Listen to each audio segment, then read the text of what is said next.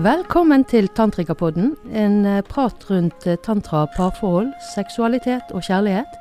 Et dypdykk inn i hvordan å bringe mer juice og sanselighet inn i parforholdet og i livet og i sexlivet. This is my heart, this is my home, finally choosing to listen to my soul now. This is my heart. Vi kaller det en reise fra hodet til kroppen fra fastfood til gourmet.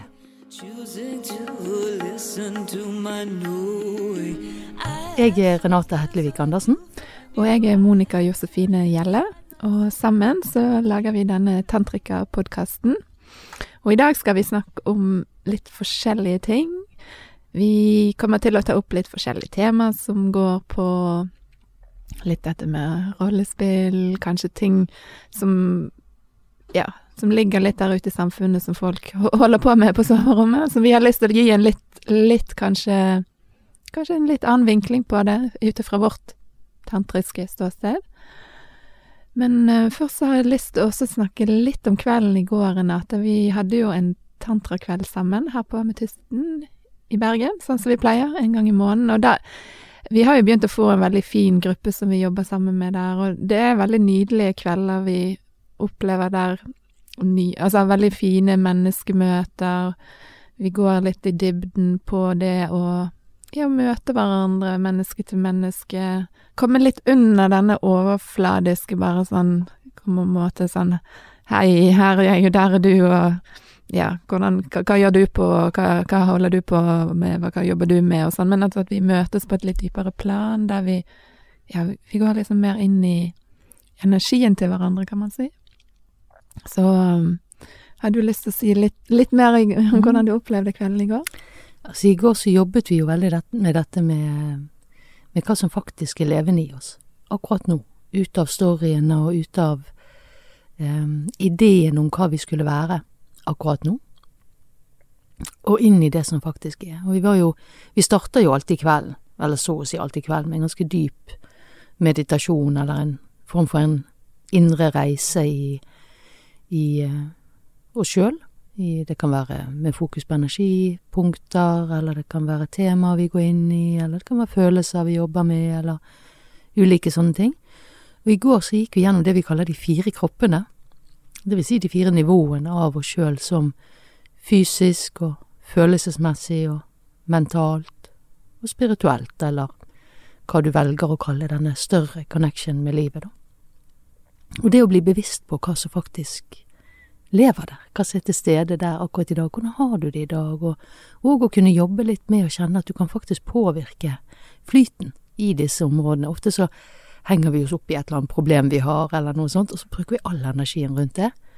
Og det å faktisk kunne puste inn litt der, og, og kjenne at vi kan bevege på det, og se hva som skjer. Så det var jo startpunktet vårt i går, for å gå videre og dypere inn i dette med hva er levende nå, og hvordan kan vi møtes, og du sier fra det, fra det, det som faktisk er helt ekte i øyeblikket, som ikke har forventninger og formeninger og storyer på seg.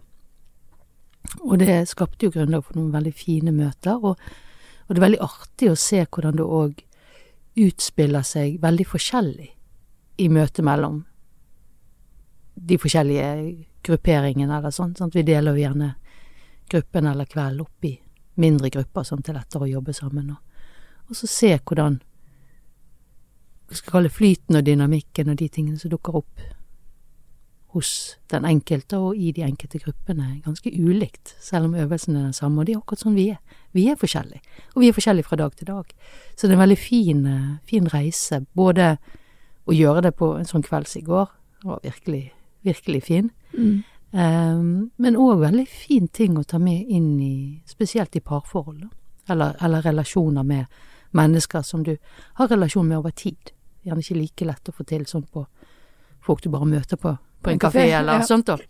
Det er jo absolutt mulig, men det krever gjerne litt mer trening. sånn at det blir, blir mer, litt mer naturlig integrert del av en først, gjerne ikke et sted å starte, men, men, å kunne dra det litt mer inn i relasjonene sine. Veldig fint. Mm, og jeg pleier å si at disse tantrakveldene som vi har, blir som et laboratorium, der du kan utforske litt menneskemøtene da i en trygg setting, innenfor en ramme der, der du der kan utforske dette, hvordan man kan gå litt dypere inn på et energiplan i, i menneskemøtene, da.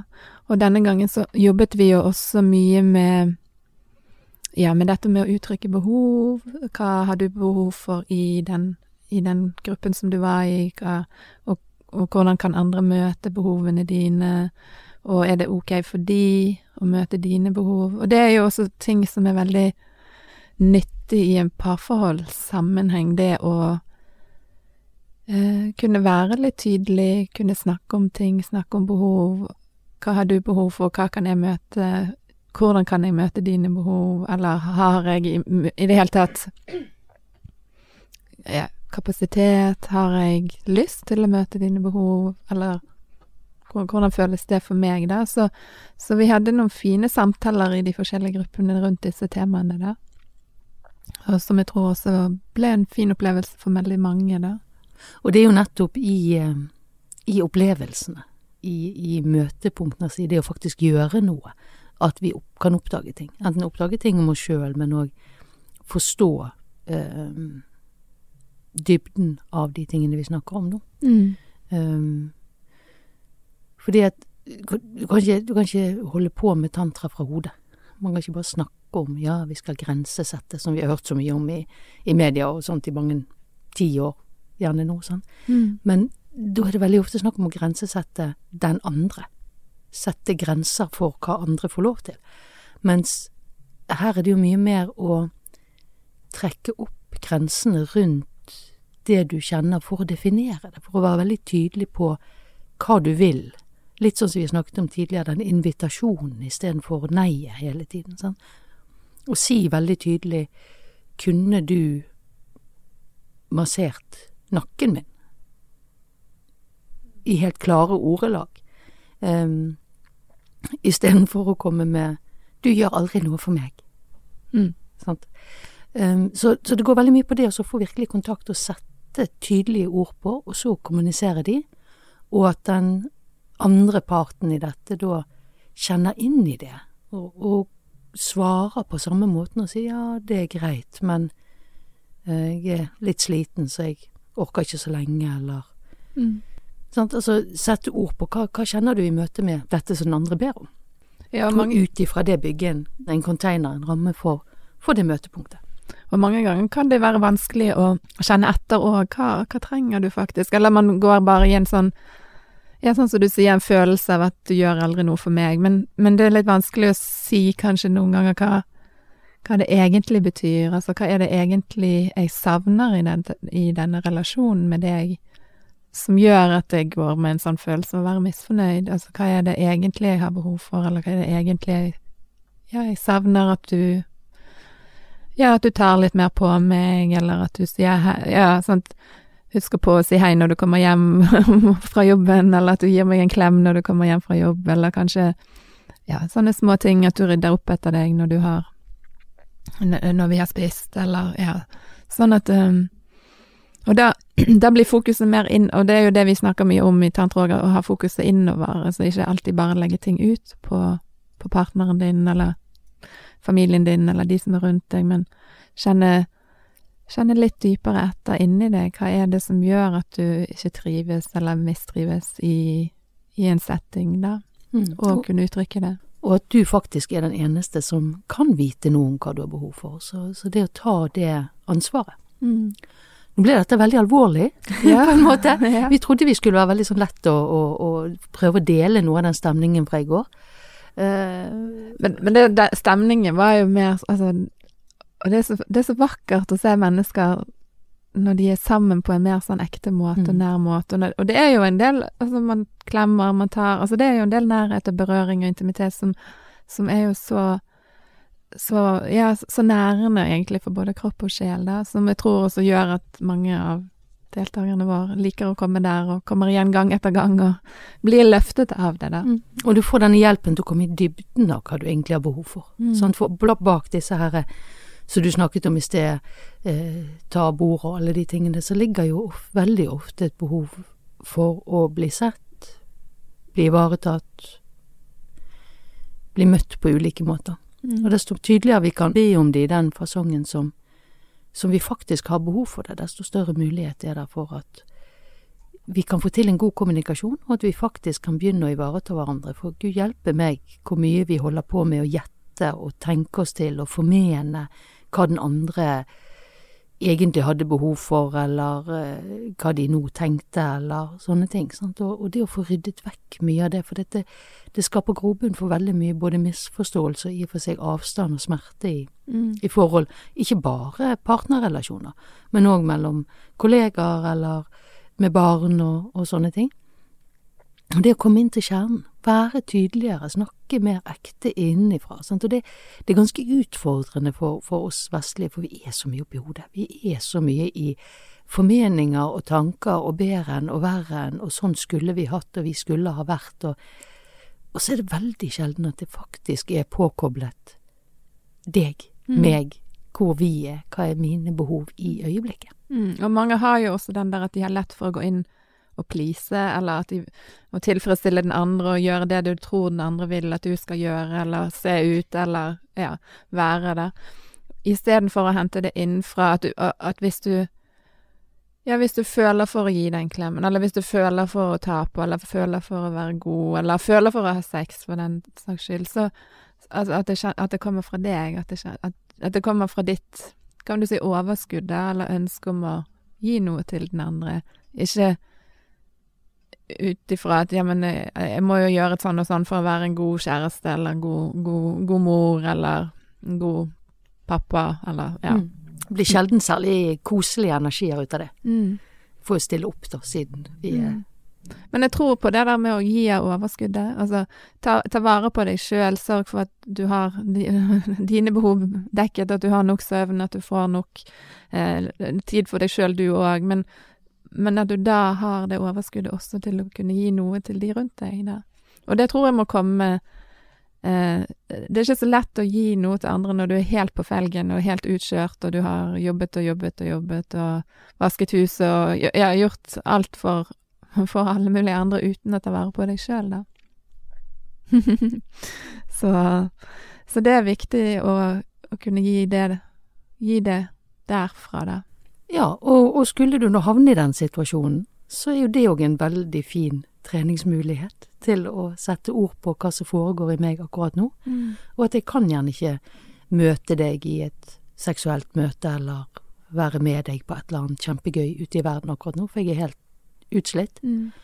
Men jeg vil gjerne være med deg. Ja. Jeg vil gjerne møtes, jeg vil gjerne dele tid med deg, så kan vi møtes et annet, på et annet punkt, på et annet sted. Kan eh, du for eksempel gå ut og ha det gøy først, og så kommer du hjem, og så kryper vi sammen under dynen og bare er der i vår nærhet sammen, for eksempel. Mm.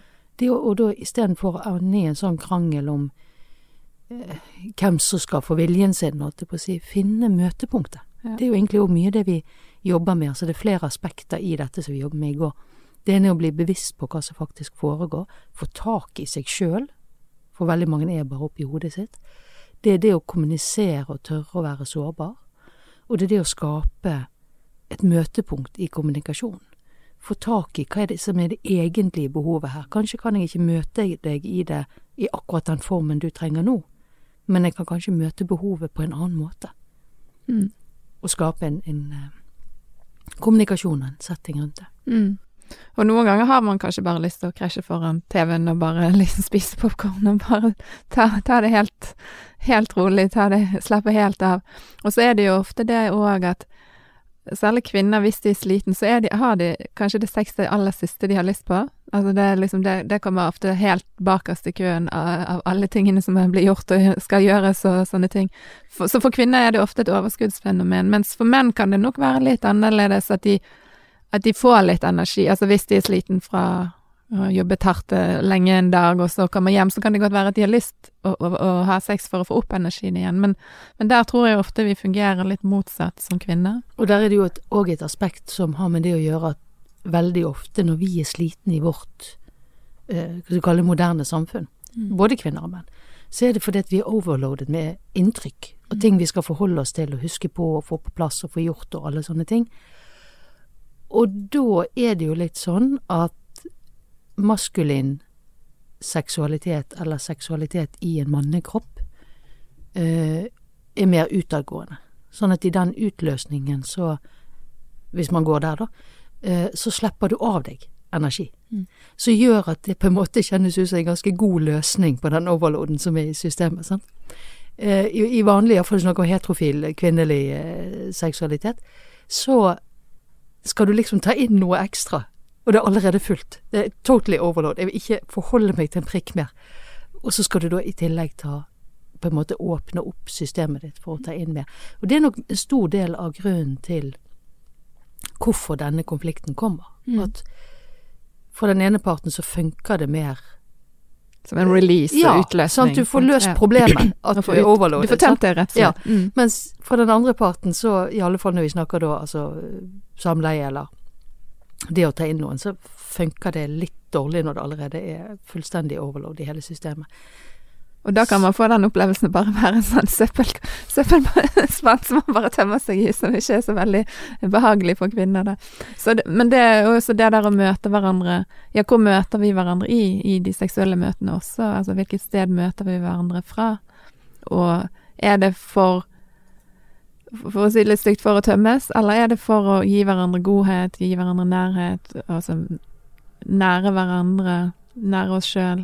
Mm har vi overskuddet til det, rett og slett. Og det er jo også en Altså, mange kan jo ha problemer med å finne det overskuddet i en litt travel hverdag, og mange har barn og småbarn og henting og bringing og alt, alt som skal Det er alt som skal Logistikken som skal gå opp i, en, i, i et hektisk liv mm. ofte, da.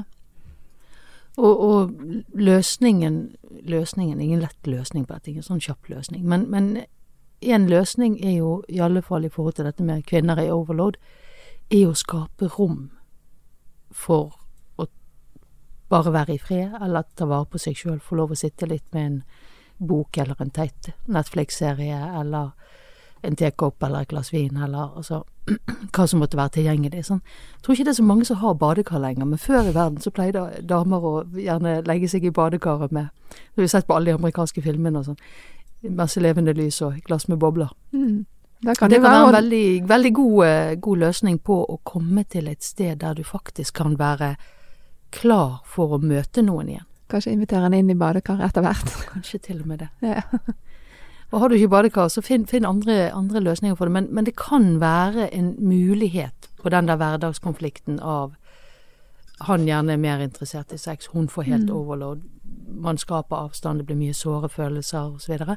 så kan det være en løsning det å sette av noen luker. Mm. Han trenger det selvfølgelig òg, men for en kvinne så er det veldig ofte sånn at iallfall hvis du skal ta noen inn, så må du ha litt space. Du må føle at du har litt plass til å puste mm. i systemet ditt. Og hvis han da kan ta ungene en formiddag og ta dem med i parken eller på en lørdagsformiddag, sånn at hun får litt space til å bare være aleine. For det, hvis du er mamma, så er det ikke alltid du har så mange alenestunder i hverdagen. Nei, det er av og til en følelse når de er iallfall veldig små, at de bor på kroppen din kontinuerlig. Mm. Det er jo veldig vakkert og skjønt, men mm. det kan være litt intenst å skulle ta inn noen andre i tillegg. Ja, og det å føle at du faktisk eier din egen kropp igjen etter amming og etter fødsler og sånne ting tar, tar på, mm. på kvinnekroppen. Som kanskje ikke alltid menn har den samme opplevelsen av, eller altså, jeg tror ikke de føler det så kroppslig.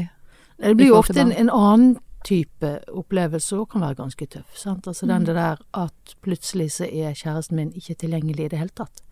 Der er hele tiden noen andre og noe annet, og de er slitne og de er Sant. Og, og, jeg mener, bare fordi vi hadde det hyggelig en gang for et år siden eller noe sånt, og det ble et barn ut av det, så var det liksom full stopp på, på all nærhet. Sant? Ja. Da, det, den kan være utrolig tøff. Den kan mm. være veldig, veldig tøff. Så akkurat det òg er jo en, en ting som kan være et grunnlag for mye sårhet i, i, forhold der begge føler seg veldig avvist eller misforstått eller mm. sånne ting. Og igjen, da er det jo så viktig å kunne komme inn til å sette ord på det som faktisk er der. Sant? For veldig ofte så savner man hverandre. Sant? Man ønsker nærhet, men vi opplever at den andre ikke ønsker nærhet fordi de går i motsatte behov. Og det å da bare kunne komme inn til å kunne sette ord på det og si at jeg savner deg òg. Jeg vet ikke helt hvordan jeg skal få det til akkurat nå, men jeg savner deg veldig. Jeg eh, Mm. savner å være nær, jeg savner når vi leker og så videre. Sånn. Mm. Så kan det være en startpunkt for å finne en eller annen måte å finne det å være sammen på. En liten luke eller Mm. en ny versjon som passer i det livet som er nå, eller. Mm. Så, så det da å kjenne etter og den kommunikasjonen er så, så, så viktig, altså. Mm. Og sette litt tid. Den alenetiden uten at Det er jo som regel alltid en unge i sengen, eller en eller annen som trenger trøst, eller en som trenger våkner om natten, eller sånn. Så det er ofte i den fasen der, sånn at det kan være Akkurat det bare å finne space til å være aleine sammen kan jo også være en utfordring noen Mm. ganger. Og så er det jo klart, unger er ikke, selv om det av og til føles sånn, eh, så er de ikke små så lenge. Sant? Det er en egen magisk fase som du har akkurat der og da. Det å finne måten å virkelig kunne ta inn det, samtidig som man tar vare på å finne nye møtepunkter, vokser sammen gjennom denne nye fasen. Mm. Det kan være utrolig vakkert hvis vi kan få det til, men vi får det ikke til uten å være ærlig på behov Mm. og kommunikasjon, og ikke beskylde hverandre fordi at vi har ulike behov eller går i ulike mønstre og går inn i den der 'du forstår meg ikke', og 'du bryr deg ikke', bare fordi at den andre er en annen opplevelse. For det er ikke sant. Det er veldig, veldig sjelden sant. Mm. Og det er jo clouet er jo kommunikasjon, altså det å kunne snakke om det, sette ord på det. Ikke ta for gitt at den andre forstår hva du går i, eller hva du tenker på, og hva som er vanskelig for deg. For det er, det er ikke alltid sånn at den andre fanger det opp automatisk. Og der så har vi jo egentlig litt broen til noe annet vi hadde lyst til å snakke om. Ja, for jeg tenkte du hadde jo litt eh, dette temaet som ofte sexologene tar opp, dette med å liksom Hva skal vi gjøre med et parforhold hvis det begynner å dabbe litt, og det er ikke så, så mye intensitet lenger i, i relasjonen.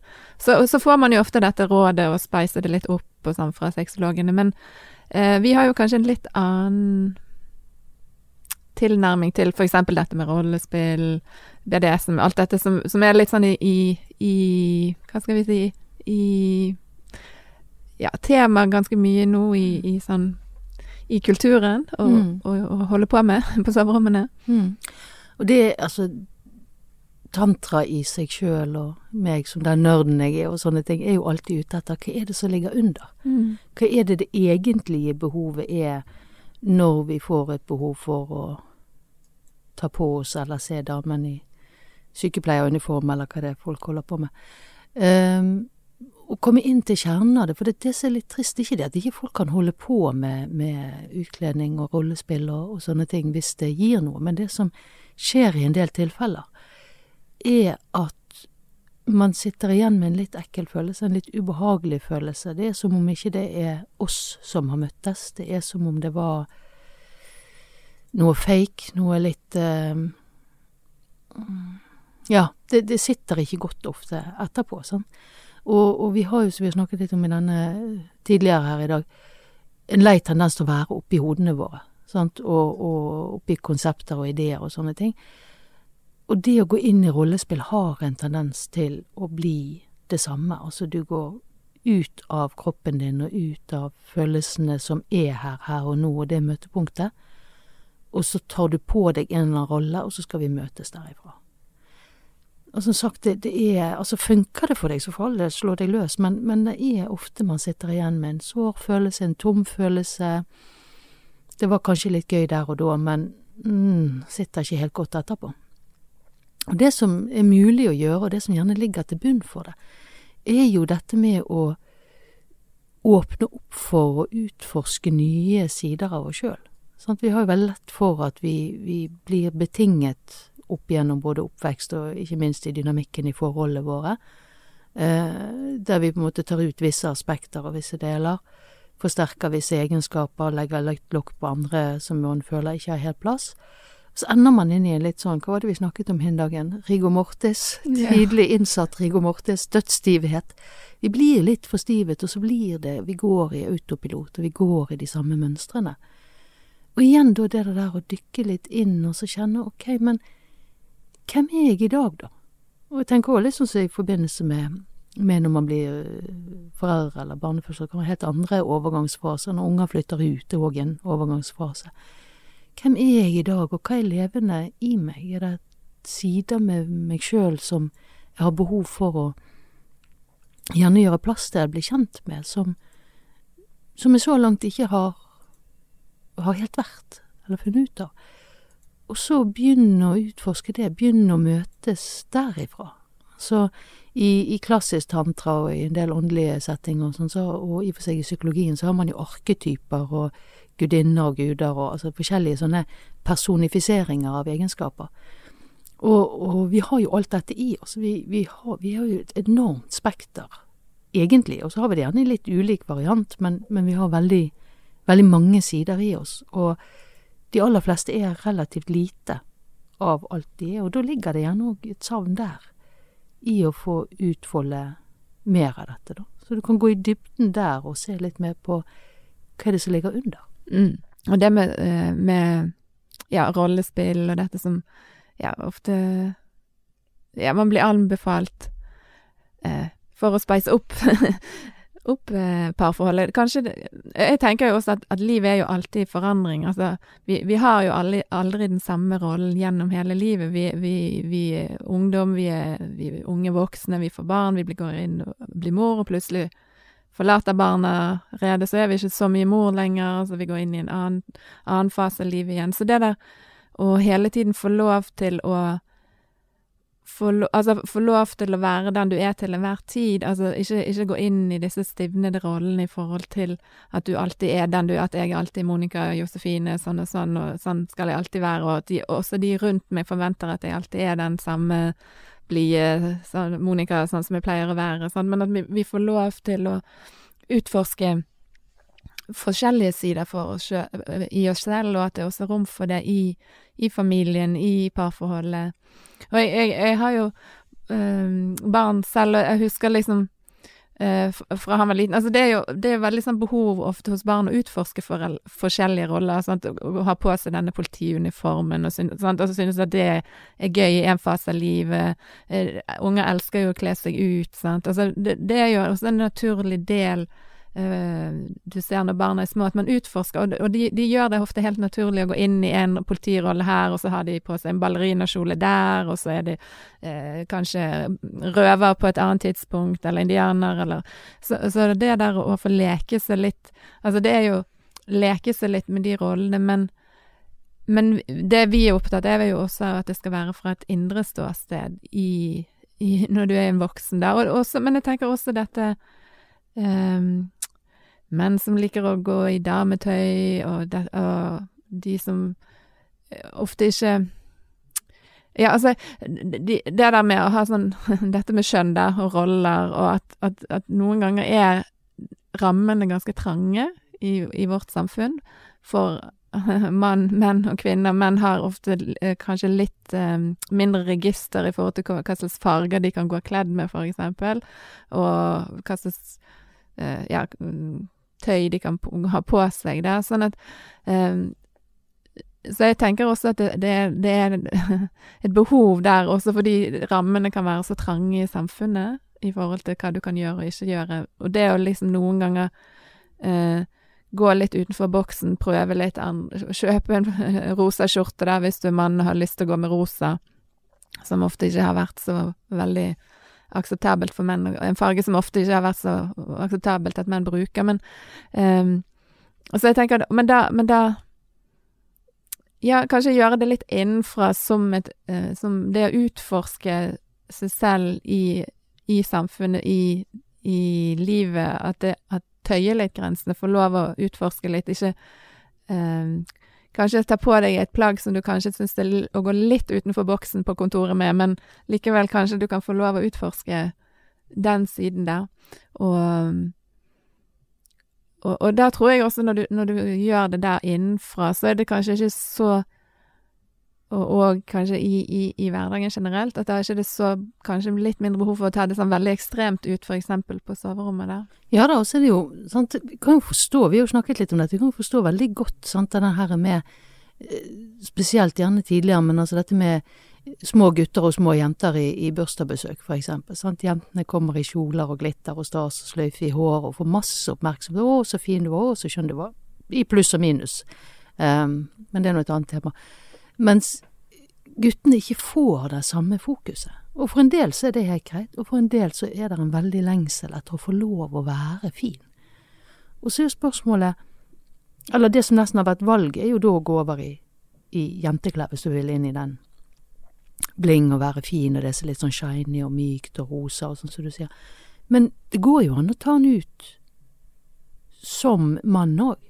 Altså velge å være i sin mann eller maskuline, men velge litt i samme eh, kvaliteten i stoffer, velge å pyntes litt. Tørre å ta litt plass og bli sett. og Det tror jeg er en lengsel i ganske mange, mange menn. Sant? Og det er jo igjen dette med å komme inn i essensen av hva du egentlig lengter etter.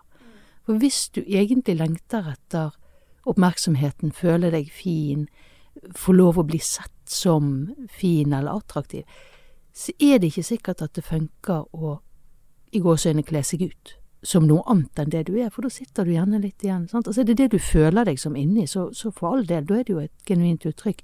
Men hvis du tar på deg noe på utsiden som du føler er noe annet enn deg, så kan det være du sitter igjen med en litt tom følelse. Sant? Og når vi snakker om eh, for eksempel prinsessen eh, med jenter, eller for den saks skyld gutter, så er det jo gjerne litt dette her eh, være fin, det uskyldige, det, det, det rene, det spakelige og sånne ting. Sånn. Kan du ta det ut uten nødvendigvis å kle deg ut? Kan du tørre å kjenne på, tørre å finne det inni deg sjøl som en kvalitet, og så la det få lov å uttrykke seg sånn som du føler for? Ikke sikkert du da går rundt i prinsessekjole med, med krone og tilskjørt, holdt jeg på å si, men, men, kanskje det er noe helt annet som blir uttrykket av det, noe, noe annet. Men det har gjerne noe av det samme, det er litt sånn eteriske, det er litt sånn skinnende stoffer, sånn. Eh, politimannen, altså eh, trenger du å ta på deg uniform, eller kan du tørre å gå inn og kjenne på den behovet for det, å være, få lov å være den maskuliniteten, være helten, være den som eh, stepper opp og, og, har svarene, holdt jeg på å si. Ordner opp og ja, være sterk. Og, ja. Kan du få lov å være det, eller er det motsatte, hvis du, hvis du har et behov for å leke å si, sykepleier og bli Eller uh, at noen skal leke sykepleier med deg og bli pleiet og, og, sånne ting. Kan det være at du har et behov for å bli næret, for å bli ivaretatt? Ikke være på, ikke alltid ha svarene, ikke alltid være den ressurssterke, men rett og slett bli ivaretatt, næret. Og kan man da gjøre det i sårbarhet med hele seg, istedenfor å gå inn i et rollespill? så tror jeg det at du henter veldig, veldig mye mer ut av det, og det kan hjelpe deg å få den delen på plass i livet ditt, at ikke det blir da noe som eksisterer i et separat lukket rom, men det blir faktisk en del av personligheten din som du får integrert og får bedre plass til. Sånn at Vi snakket jo litt om dette med, med Vi lever i et veldig sivilisert samfunn, der, der, vi befinner oss innenfor en sånn ganske sånn trygg eh, På alle måter trygg Eh, sånn middelpart, sant. Men dette her eh, uskyldige har ikke så veldig god plass. Altså, jeg tenker til og med ungdommer og tenåringer, de skal liksom være erfaren før de i det hele tatt har begynt, enten det er noe snakk om eh, seksuelt eller det er snakk om i, i, andre områder av livet. Sånn. Det å få lov å utforske den uskyld, vi har snakket litt om dette med å, hvis man da er i et parforhold eller eh, har en partner på andre måter, å møtes som om vi aldri har møttes før, å ha sex eller å berøre som om du aldri har gjort det før. Å tørre å utforske den uskylden, og ikke alltid være på å prestere og få det til og altså alle disse tingene her. sånn. Og i den andre enden av det, inn i det rå og det mørke og urkraften, som vi heller ikke får noe særlig plass til å være. Altså Noen går på, på jakt, og noen driver ekstremsport, og noen driver kampsport som kan være litt sånne arenaer. Sant? Det er litt sånn, iallfall i noen områder, kvinnekraftgrupper eh, og altså der man jobber litt med det. Men det er ikke så mye arena for det i, i samfunnet. Men det er gjerne lengsel i oss, å få lov å være litt instinktive og dyriske og, og, og leke med kraft og, og. Men ikke sikkert at du trenger å ta på deg lakk og lær og binde opp noen allikevel, altså. Nei, for nå er vi jo litt sånn inne på dette, litt sånn disse mørke områdene og sidene også av seksualiteten. Og vi har jo også dette med bondage, BDSM og ja, litt mer eh, eh, Hva skal man si Spanking, altså det um, slå, ja.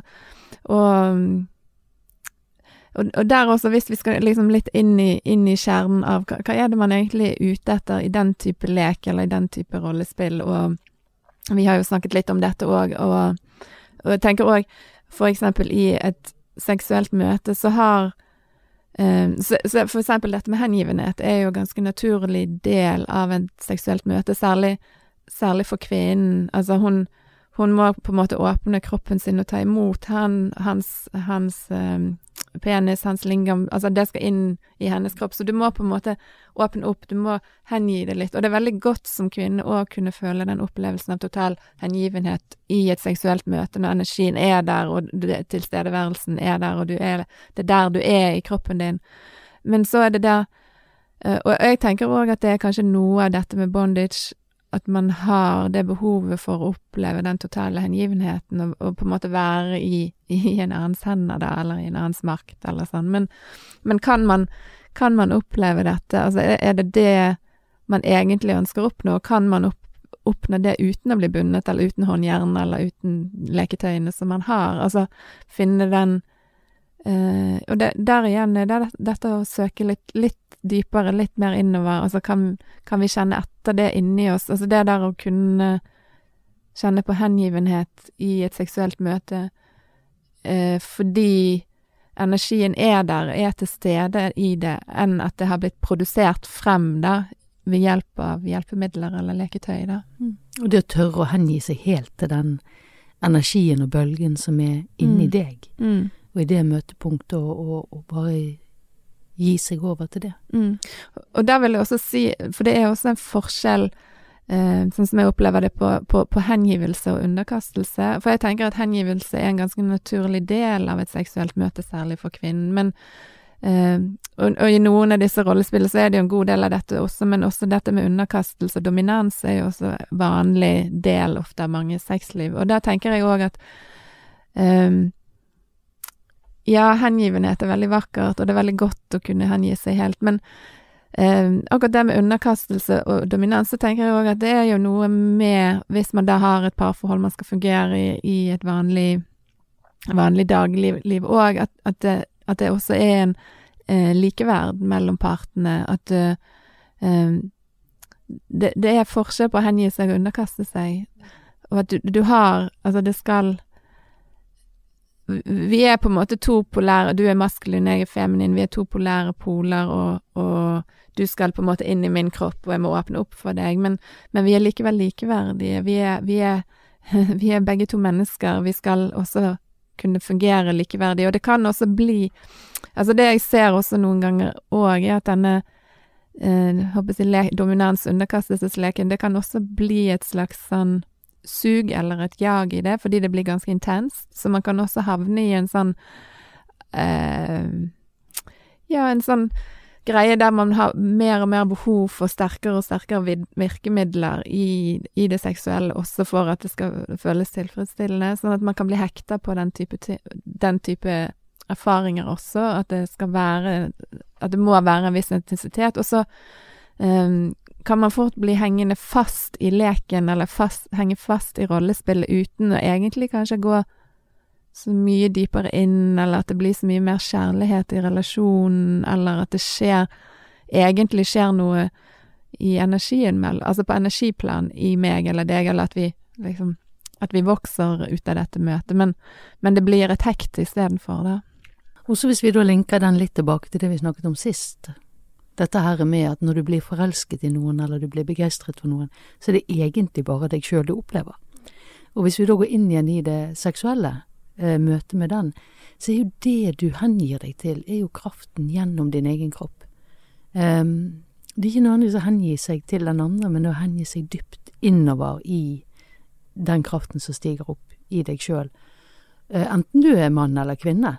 Uh, men i en feminin kropp så uttrykker den seg litt annerledes enn i en maskulin kropp. I en feminin kropp så får du gjerne denne her åpning og surrender, altså overgivelse, som, som Men så kan den jo skifte med noen bølger av intens råskap og sult og altså når man ser på disse her gudinnene i det indiske, så er jo noen av de så rå at de kan jo få stakkars vant til å krympe seg. Sånn at, og det ligger jo i oss, det er jo bare eh, uttrykk for uh, psyken vår. Billedliggjøring av psyken vår. Så man kan absolutt veksle mellom det der er helt sånn sarte, fullstendig overgivende, uh, smeltende passive, og det helt rå som bare på en måte nedlegger, sant? selv innenfor det feminine. Og, og i det maskuline, altså når denne kraften stiger opp i en maskulin kropp, så kommer gjerne litt sånn krigeren og helten og øh, håper jeg si, denne her eh, kraften, presence, som vi snakker om, altså det der fulle tilstedeværelsen som kan blåse hva som helst av bakken, sånn,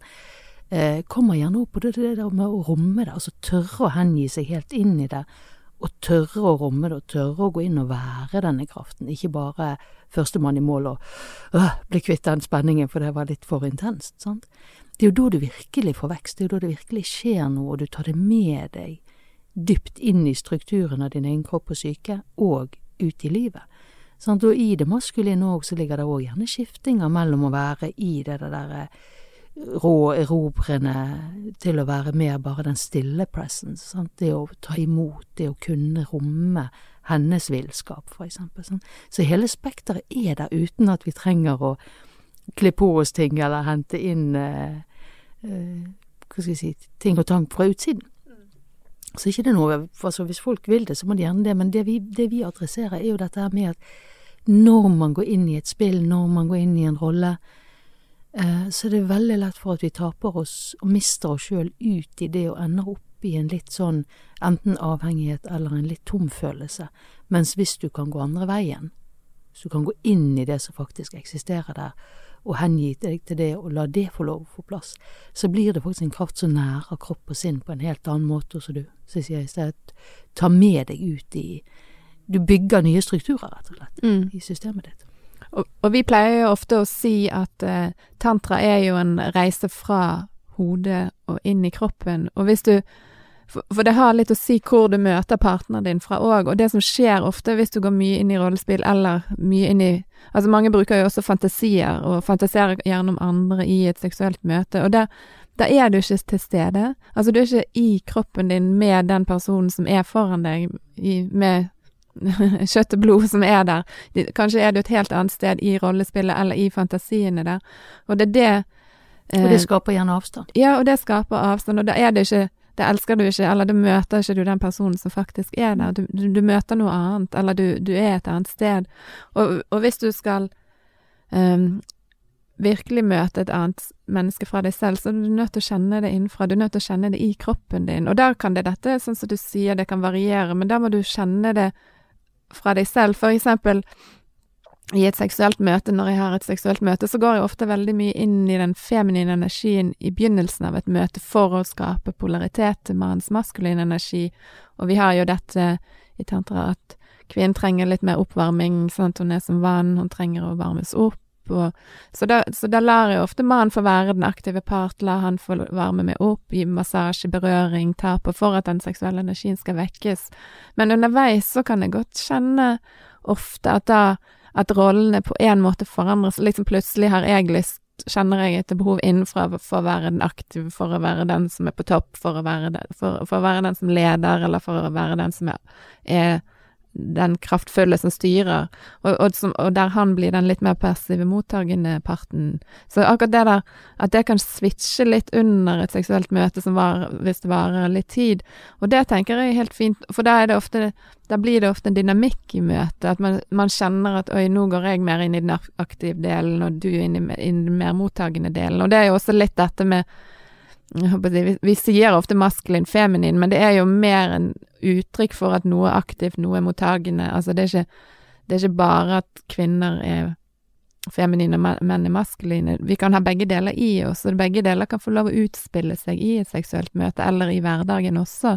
Men, men det hvis man er litt mm, sensitiv, lytter litt innover på det, så vil man ofte kjenne når de skiftene naturlig kommer, når det er naturlig at jeg er den, på en måte det er den som dominerer, og du er den som tar imot, og, og når det skifter tilbake igjen, og når jeg begynner å bli nå begynner jeg å bli slitt, så liksom kan du ta litt styringen nå, liksom, sant. Så, så det er jo ofte naturlige skifter i et møte, men da, da kan vi ikke være i fantasien eller uh, i rollene hvis det skal få utspille seg naturlig, sånn som kroppene våre og energien i kroppene våre eh, vil det, da, eller kjennes slik det kjennes ut. Mm, du går gjerne glipp av å ri bølgen, for å si det sånn. Mm. Og det dreier seg veldig mye om å la det være ekte, og la det være ærlig, og så møtes derifra og dykke inn i det i deg sjøl, og så sier ri bølgen derifra.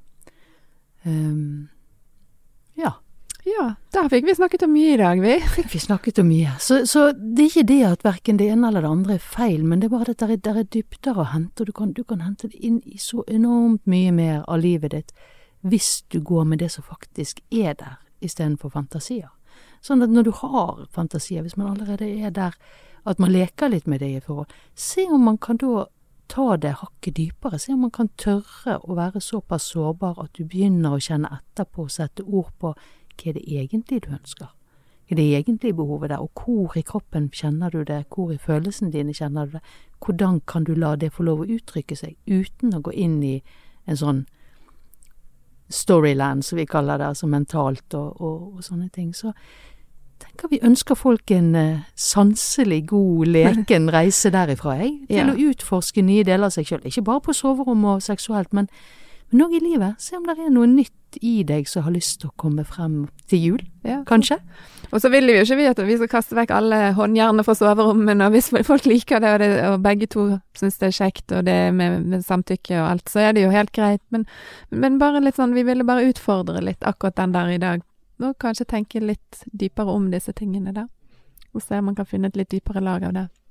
Mm. Det er mye næring å hente der, iallfall. Mye næring og kraft og nærhet. Ja. Og råskap. og og for de som kunne tenke, tenke, seg å være med på en tantrakveld i Bergen, så har vi faktisk én tantrakveld til før jul, og den er i desember. 9. desember. Juletantra, juletantra kanskje? Det er en mandag. Klokken seks pleier vi å møtes, så der er det fortsatt mulighet for å være med. Mm.